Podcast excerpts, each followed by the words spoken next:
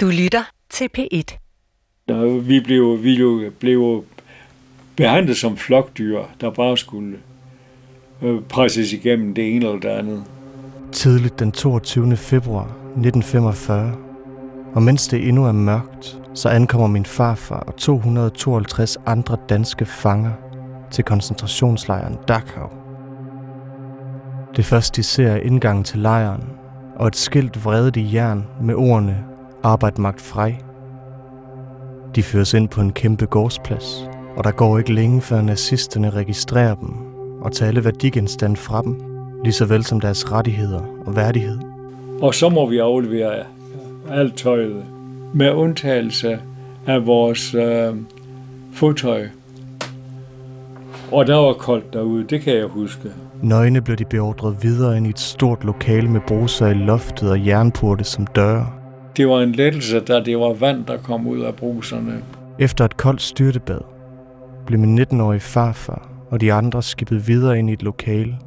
Her sidder gamle fanger, som har til opgave at klippe de nyankomne danskere skaldet med sløve sakse, og danskerne bliver ført videre igen. Så slasker de en, sådan en, en, en, en våd kost hen over hovedet og brystet og under armen og så videre. Og det går stærkt, og det svider noget så ganske forbandet. Det er en væske, der hedder lysol, og, øhm, og som øh, øh, skal, være, skal forhindre os i at få lopper og lus. Den var ikke særlig effektiv. Vi fik masser af begge dele. Og så er min far for de andre danskere KZ-fanger. De får tøj. Min farfar får en afdød ungars militærtøj, der er alt for stort. Og de får et nummer. Kan du huske dit nummer? ja. Øh, nu kan jeg nu kan jeg nok ikke længere. Øh, men det var 41.641, tror jeg, der var.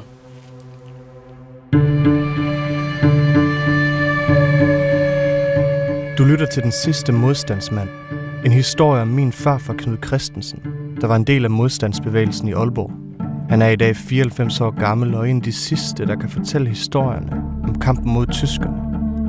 Jeg har altid været fascineret af min farfars fortællinger fra besættelsen, og det er hans historie, jeg har sat mig for at fortælle. Historie om, hvordan han blev en del af modstandsbevægelsen i Aalborg, steg i graderne, for til sidst at blive anholdt og sendt i koncentrationslejre. Nu er vi kommet til selve slutningen på fortællingen. Vi har taget vores tid og interviewet løbende gennem det meste af 2019. Men hvad har vi så brugt fra 9. april til 28. december? Jamen, vi har da haft det hyggeligt, og vi har fået en bjæsk og en kop kaffe. du har en bjæsk på i dag, men du skal køre bil, så det får du heller ikke. I sidste afsnit hørte vi, hvordan det blev tydeligt, at tyskerne tabte krigen. Og samtidig blev min far for anholdt på sin arbejdsplads i Aalborg og udsat for langvarige forhør med tæsk til følge. Og til sidst blev han og vennen Christian Svensen sendt til koncentrationslejren Dachau. Vi har været igennem de bedste og de værste hændelser fra den mest skældsættende periode i min farfars liv. Og i dette afsnit, som også er det femte og sidste, vil jeg fortælle om, hvordan min farfar overlever koncentrationslejren Dachau, som ligger ved München.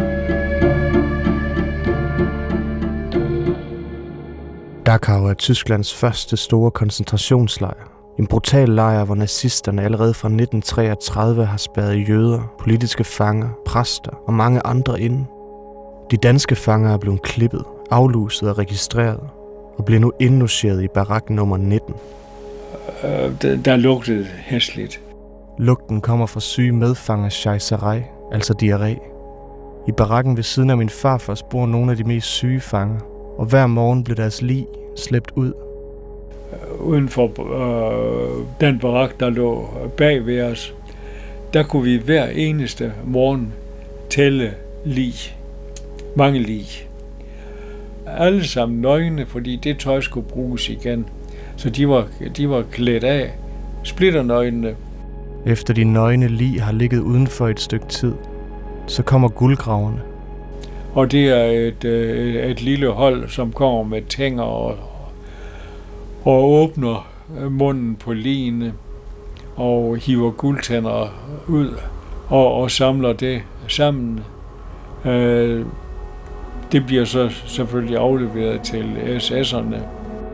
Guldtænderne fra de døde bliver brugt til at holde den tyske krigsmaskine i gang. Line kan ligge der langt op ad dagen til skue for de andre fanger, indtil der på et tidspunkt kommer en vogn for at hente dem. Line bliver i lag smidt op på ladet. Øh, første lag med hovedet den ene vej, det lag, øh, det næste lag med hovedet den anden vej, og så videre stablet op på den måde. De bliver så kørt over til øh, krematoriet, hvorfra der hele tiden øh, kommer røg op af skorstenen, mens vi er der. Og den lægger sig i, i, i vindstille dage, så lægger den sig over lejren, øh, og den her røg er stegt, stegt kød. Er det sådan, det lugter? Ja, det er det. Det er, det er altså en... Øh, det er så lidt af en stejlugt, der kommer.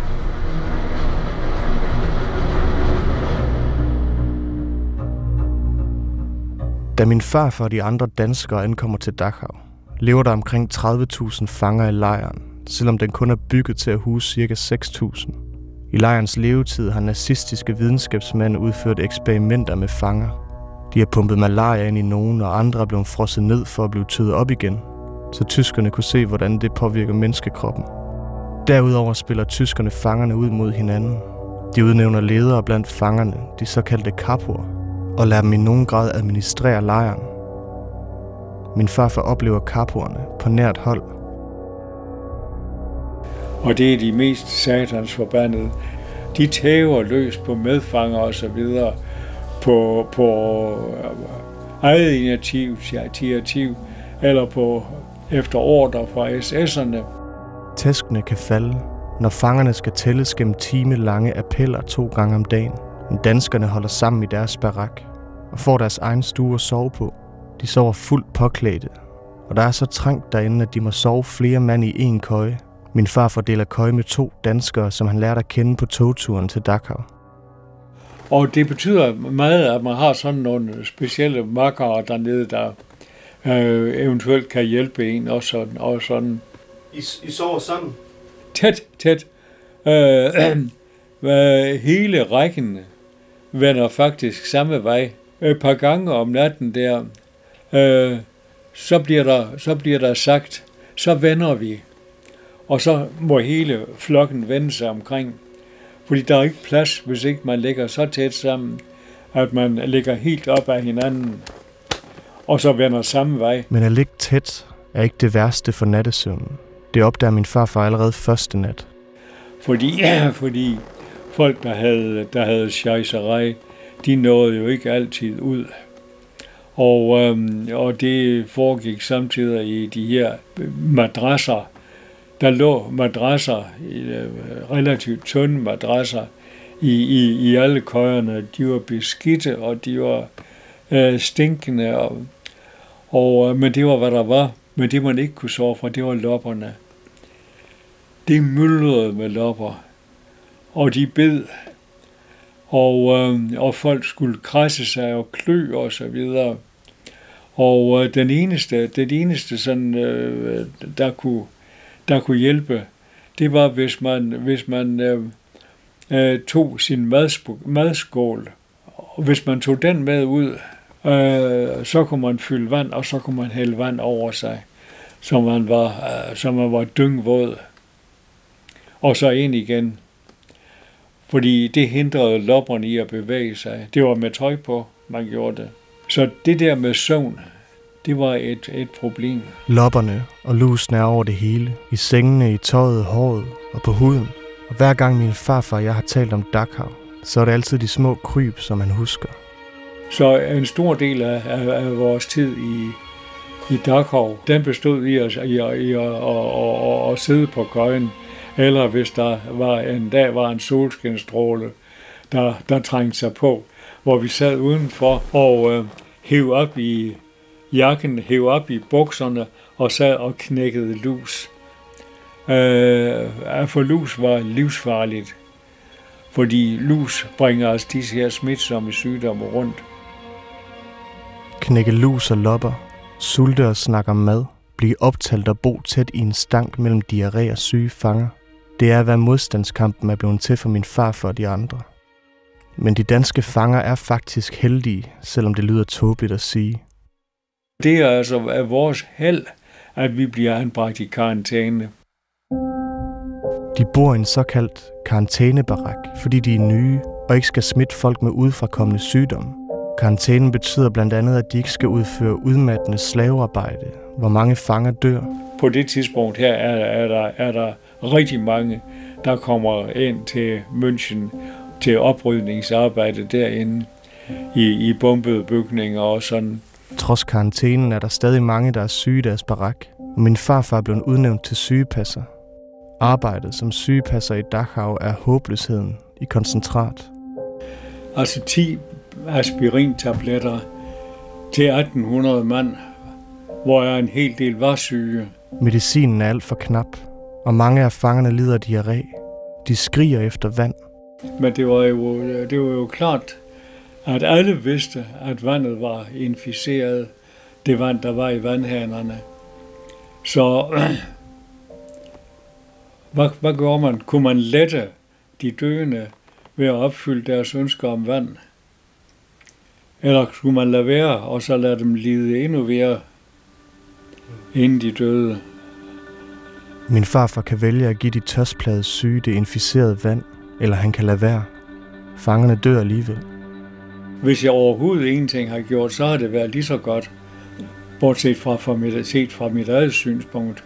Der var det godt at kunne hjælpe de der mennesker i den situation, de var. På Vestfronten er den første amerikanske armé gået til angreb på begge sider af Monschau. Ude i verden er det tydeligt, at Tyskland er ved at tabe krigen. Amerikanerne, englænderne og russerne er alle trængt ind på nazisterne. Og i koncentrationslejre som Dachau er der fyldt med rygter. Nogle dage er Hitler eksempelvis død, men der er et rygte, der bider sig fast. Der havde der altså været en, øh, en, et rygte også om der, der jamen, øh, der er snak om, at vi skal hjem. Og, og øh, noget andet, der er snak om, at vi skal til Sverige. Der er store politiske forhandlinger i gang, og de danske fangers held viser sig endnu en gang at være større end andres. En dag lander røde korspakker med spejepølser, brød og cigaretter i Dachau. Det var jo en oplevelse af himmelsk karakter at få øh, sådan noget mad. Rygterne om, at de danske fanger skal til Sverige, viser sig at være sande. Min farfar har været i Dachau i cirka en måned, da svenske busser ruller ind i lejren for at hente dem. I første omgang skal de til koncentrationslejren en Gamme, der ligger tæt ved Hamburg og ikke langt fra Danmark. Fangerne er trætte, udsultede og lettet, men min farfar har en bekymring. Christian Svensen, hans ven fra Aalborg, som han sad i fængsel med, er meget syg. Jeg er dybt bekymret under, under, under turen fra, fra Dachau til Neuengamme. Og jeg er dybt bekymret, da han bliver indlagt på, på lasarettet i Neuengamme. Svensens øreknogle blev smadret under torturen fra Gestapo, og i Neuengamme blev han opereret ind gennem kraniet af en fransk fange, der er uddannet læge. Og, øh, og lettet, da han kommer over operationen. Men øh, der, var, der går jo ikke så lang tid, øh, så bliver han og andre syge fanger jo overført direkte til Sverige med øh, hvide øh, ambulancebusser. De første busser er snart på vej hjem. Min farfar er fortsat sygeplejer, når en gammel, som han havde været i Dachau. Og en af de danske fanger, der er syge, opdager den 3. april, at det er min farfars fødselsdag. 20 år fylder han. Og der får jeg en kæmpemæssig gave af ham. Jeg får en pakke Lucky Strike. 20 styk Lucky Strike. Det var en meget stor gave. Cigaretter var, var guldet i koncentrationslejrene. Cigaretter kan bruges til at bytte sig til mad og andre goder. Men de her cigaretter kan han selv ryge, for der går ikke længe, før det bliver hans og de resterende danske fangers tur til at forlade Tyskland. Under ledelse af grev Folke Bernadotte begyndte den humanitære og svenske aktion, der skulle komme til at betyde redningen for tusinder af danskere og norske og fanger fra mange andre lande i Europa. De hvide svenske røde korsbiler rullede gennem Danmark. Med de hvide busser blev de hentet af flere omgange. På Hitlers fødselsdag, den 20. april 1945, og med en af de sidste busser, blev det min farfars tur. Den dag jeg kom med en af de sidste busser fra øh, Nøgengamme, der kunne vi høre kanontorden fra fronten. 20. april. Måske med dine øjne den bedste fødselsdagsgave Hitler kunne få. ja, men han har ikke sat træskoen endnu. Nej, nej. Det er hans sidste fødselsdag, og, og, og vi er altså ikke lige inde på at fejre den. De har kæmpet, og de har lidt. Nu kan de ane friheden, mens de kører ind i Danmark. Ud af busruderne ser de foråret spire frem. Og der var selvfølgelig jubel på begge sider.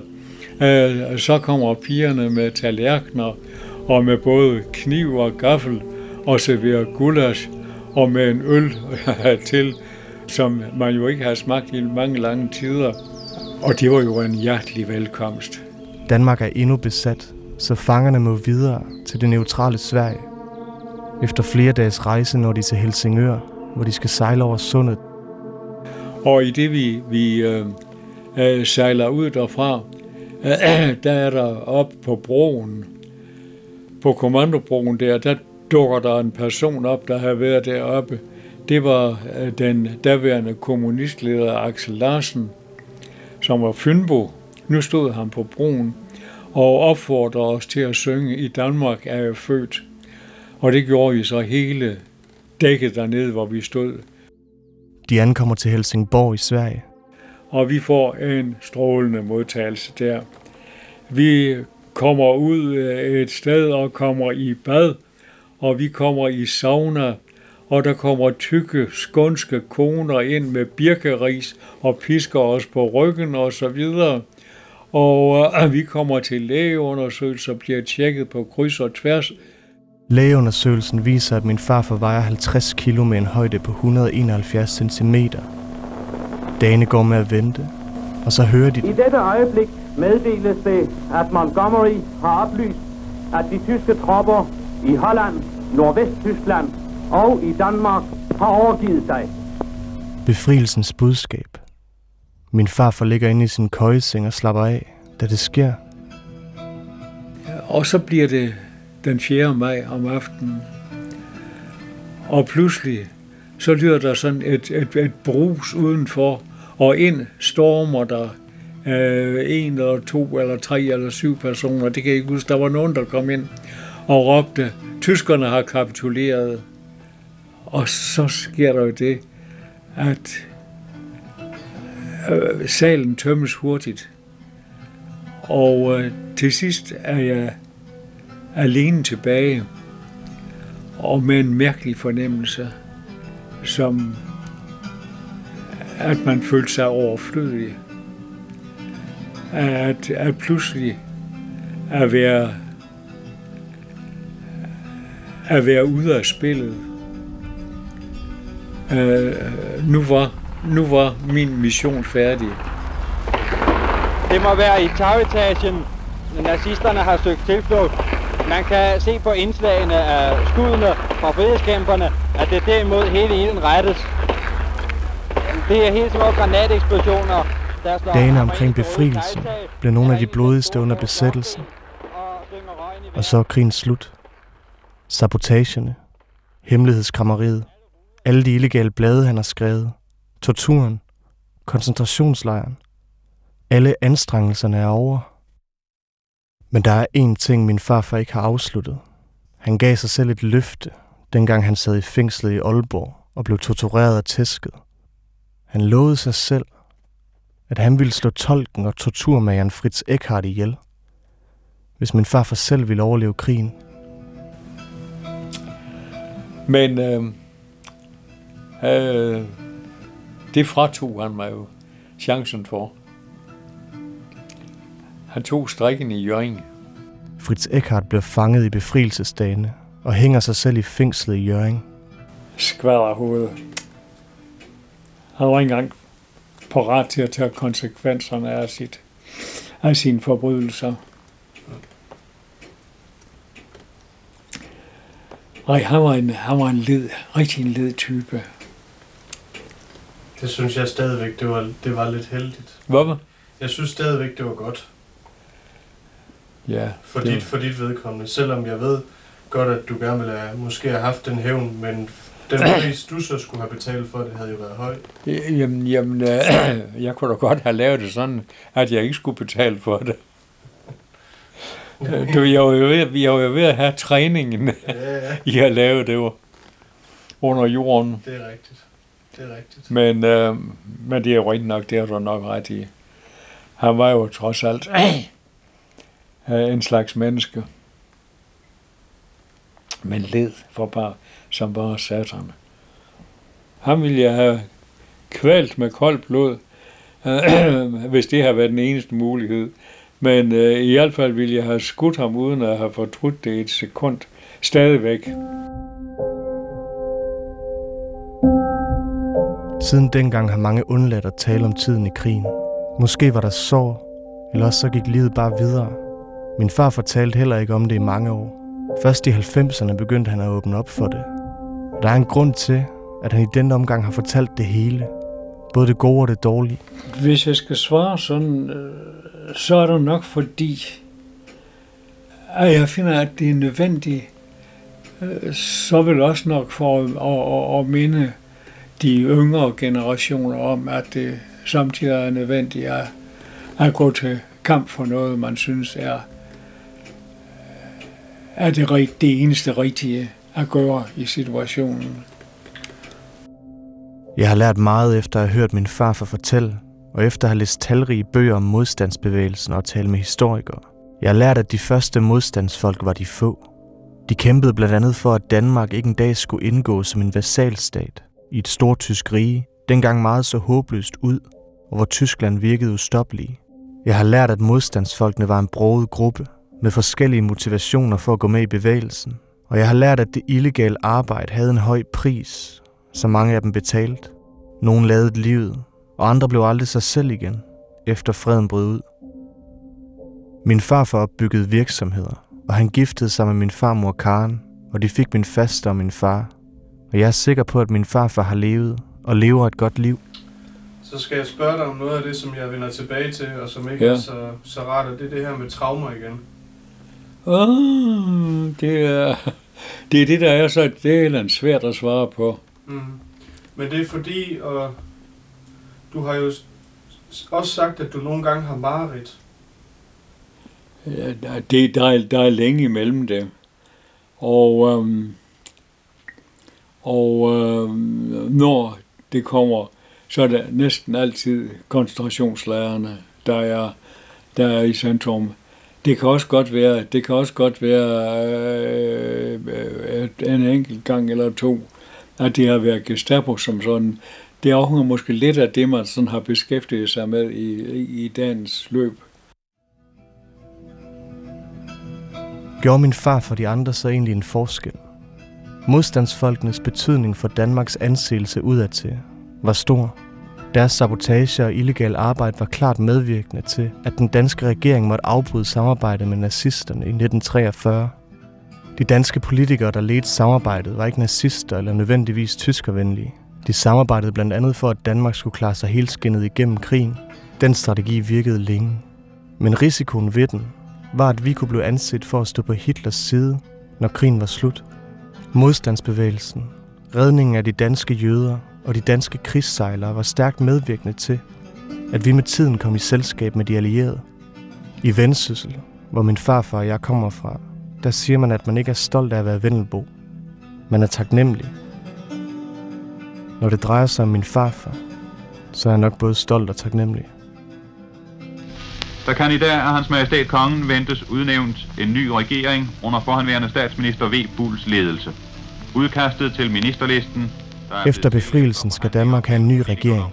Frihedsrådet, som repræsenterer modstandsbevægelsen, blev inviteret med og får halvdelen af ministerposterne.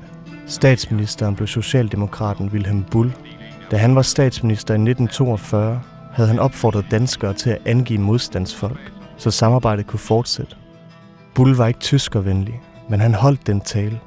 Det efterlod mange modstandsfolk desillusionerede. Også min farfar. Ja, skuffelsen over, at det var os, der havde, det var os, der havde øh, kæmpet for en ny himmel og en ny jord. Og så kom de gamle mænd og tog os sejren ud af hænderne. og skabte den verden, de havde kendt en gang. Mm. Og det var jo en dyb skuffelse for, for, for rigtig mange af de aktive. At vi har jo regnet med, at, at det, der skulle komme, det var, en, det var et, et nyt Danmark, et andet Danmark, end det, de gamle politikere havde ledt os ud i. Men det skete jo altså ikke. Årene gik, og den store fred blev til en stor skuffelse. Kontakten til mange af modstandsvennerne æbbede ud. De skiltes politisk eller af noget så simpelt som livet, der gik videre. Arne Nielsen, min farfars gamle lærer og modstandsleder, forblev en livslang ven, indtil han døde i 2006, 96 år gammel. Hans billede står stadig på min farfars kontor. Og Christian Svendsen, som han gennemgik tortur med i fængslet, tabte han kontakten til. Svendsen overkom aldrig helt Gestapos tæsk og døde i 1976, 58 år gammel. Ja. Jo, han han var en stakkels forfulgt engel. Og hvad er så tilbage? Jo, for min far for selv i dag, så står de fem år som de skarpeste for ham. Og essensen af modstandskampen kan for min far findes i de samme ord, som Englands premierminister Winston Churchill sagde i 1940, hvor slaget om Storbritannien rasede, og ingen vidste, hvilken vej krigen ville gå. This was the finest hour, at det var deres største stund. Det var nok også vores største stund for de fleste af os, som havde deltaget aktivt. Det var ikke den bedste tid, det var ikke den lykkeligste tid, men det var den største. Så næste gang vi ses, Ja. så bliver det uden den der. Jeg troede, I var faldt i søvn, det var derfor. Ja. Nu er vi færdige, Rani. Er I det? ja. Jamen, det var godt. Skulle jeg pakke den her sammen, Eppa? Ja, hvis vi er færdige, så må du hellere pakke den sammen. Ja. Det gør jeg så. Er vi ikke det? Jo, er vi ikke det? Jo, for mit vedkommende er vi sådan set. Og det er vi også for dit vedkommende. Det tror jeg. Du kan høre flere P1-podcasts i DR's radio-app. Det giver mening.